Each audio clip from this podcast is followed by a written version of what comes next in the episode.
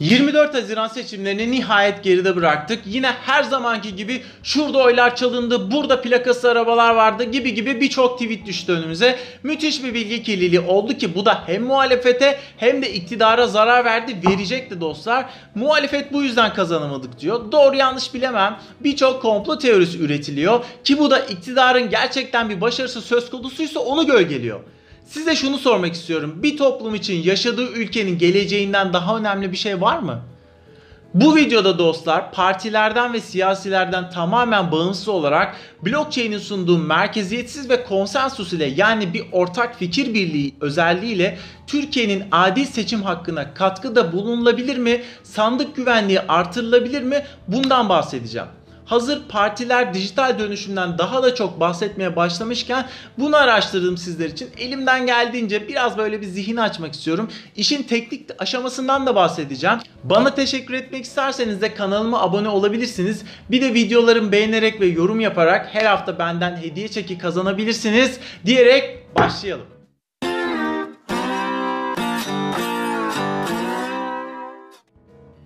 Öncelikle şunu söyleyeyim. Tabii ki hiçbir şeyin garantisi yok %100 hayatta. Ama seçimlere onlarca yıl öncesinden kalma kağıtla ve mürekkeple devam etmek ne kadar doğru?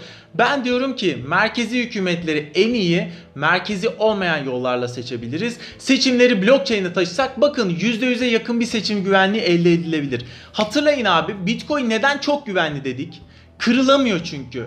Bitcoin'leriniz hem hiçbir yerde hem de her yerde. Muhatap yok. Yani muhatap her yer. Hem hiçbir yer hem her yer. Verdiğiniz oylar için de bunu düşünün bir. Oyunuz hem her yerde hem de hiçbir yerde. Kim neyi değiştirmeye çalışacak? Nasıl değiştirebilecek? Bir blockchain oylama sistemi hayal edin. Türkiye'de örneğin 200 bin bilgisayar var. Bu 200 bin bilgisayar üzerinde bu oylama sistemi çalışıyor. Bir ortak fikir birliği üzerinde işlem görüyor. Yani siz bir oyu bile değiştirmek istiyorsanız geride kalan bütün bilgisayarlardan onay almanız gerekecek. Bu sizce mümkün mü? İşte bu yüzden dostlar Bitcoin çok güvenli. Diyorum ki Bitcoin'in NASA'dan daha da güvenli olan 4000 bitlik şifreleme gücünü seçimlerimize taşıyalım. Buradan hatta yetkililere sesleniyorum. Lütfen bunu yapın.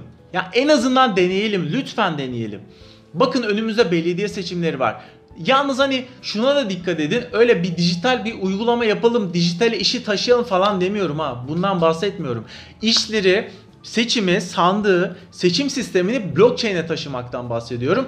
Bir şey söyleyeceğim size. Birkaç ay önce antivirüs şirketi Kaspersky'ın Dublin'de düzenlediği bir etkinlik vardı. Orada birçok blockchain uzmanı dedi ki blockchain'in en önemli kullanım alanlarından biri de oylama sistemi. Hatta Kaspersky'ın blockchain üzerine bir oylama sistemi de var bu arada.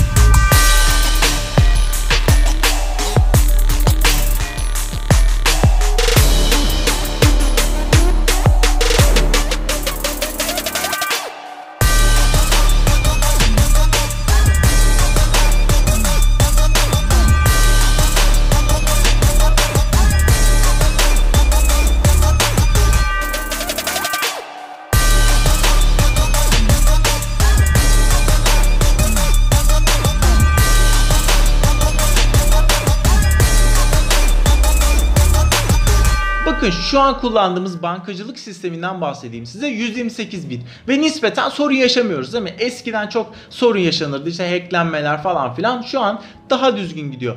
Ben 4000 bitlik bir şifreleme teknolojisiyle oylarımızı kullanmaktan bahsediyorum dostlar.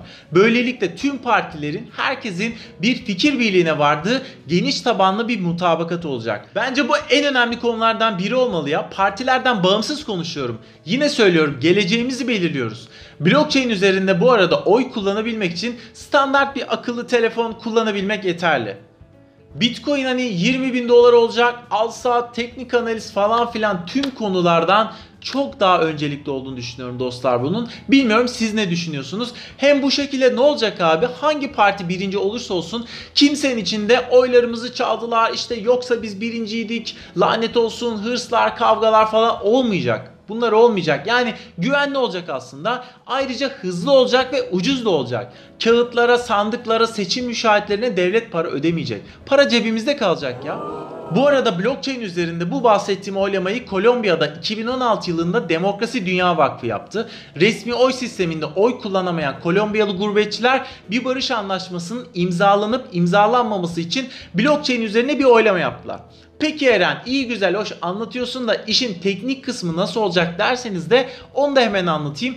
Verilen oyların her birini sanki böyle bir bitcoin gönderiyormuşuz gibi birer transaction, birer işlem olarak gören ve aynı bitcoin'de olduğu gibi birbirini takip eden bloklardan oluşan blockchain yaratılabilir. Ve herkes şu an gönderilen alınan bitcoin sayısında nasıl hemfikir olabiliyorsa bu konuda bir problem çıkmıyorsa aynı şekilde oylarda da hemfikir olabilir ve blockchain sayesinde oyların değiştirilmediğine, gerçek rakamları olduğuna herkes emin olabilir. Bunları tabi halkın da istemesi lazım dostlar. İstemesi için aslında bilmesi lazım. Ben de biraz bu videoyu bu yüzden yapmak istedim. Maalesef bu noktada biraz da Bitcoin'in fiyatının artmasına bağlıyız. Çünkü biliyorsunuz Bitcoin'in fiyatı arttıkça toplumun blockchain'e böyle bir ilgisi de oluyor. Kabul etsek de etmesek de blockchain'i geniş kitleleri tanıtan şey Bitcoin. Bitcoin'in fiyatının artması kripto para piyasasının canlanması. Dostlar bu videoda herhangi bir partiden kesinlikle değil ortak geleceğimizden bahsetmek istedim. İlgili kişilerde en azından küçücük de olsa bir ışık yakmak istedim ki söz konusu olan şey gelecek. Bu da takdir edersiniz ki her partiden çok daha üstün olan bir şey.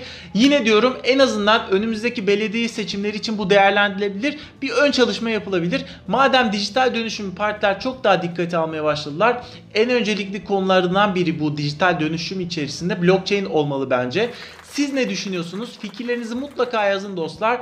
Videomu beğenip kanalıma abone olursanız da bana en güzel teşekkür etmiş olursunuz. Hoşçakalın.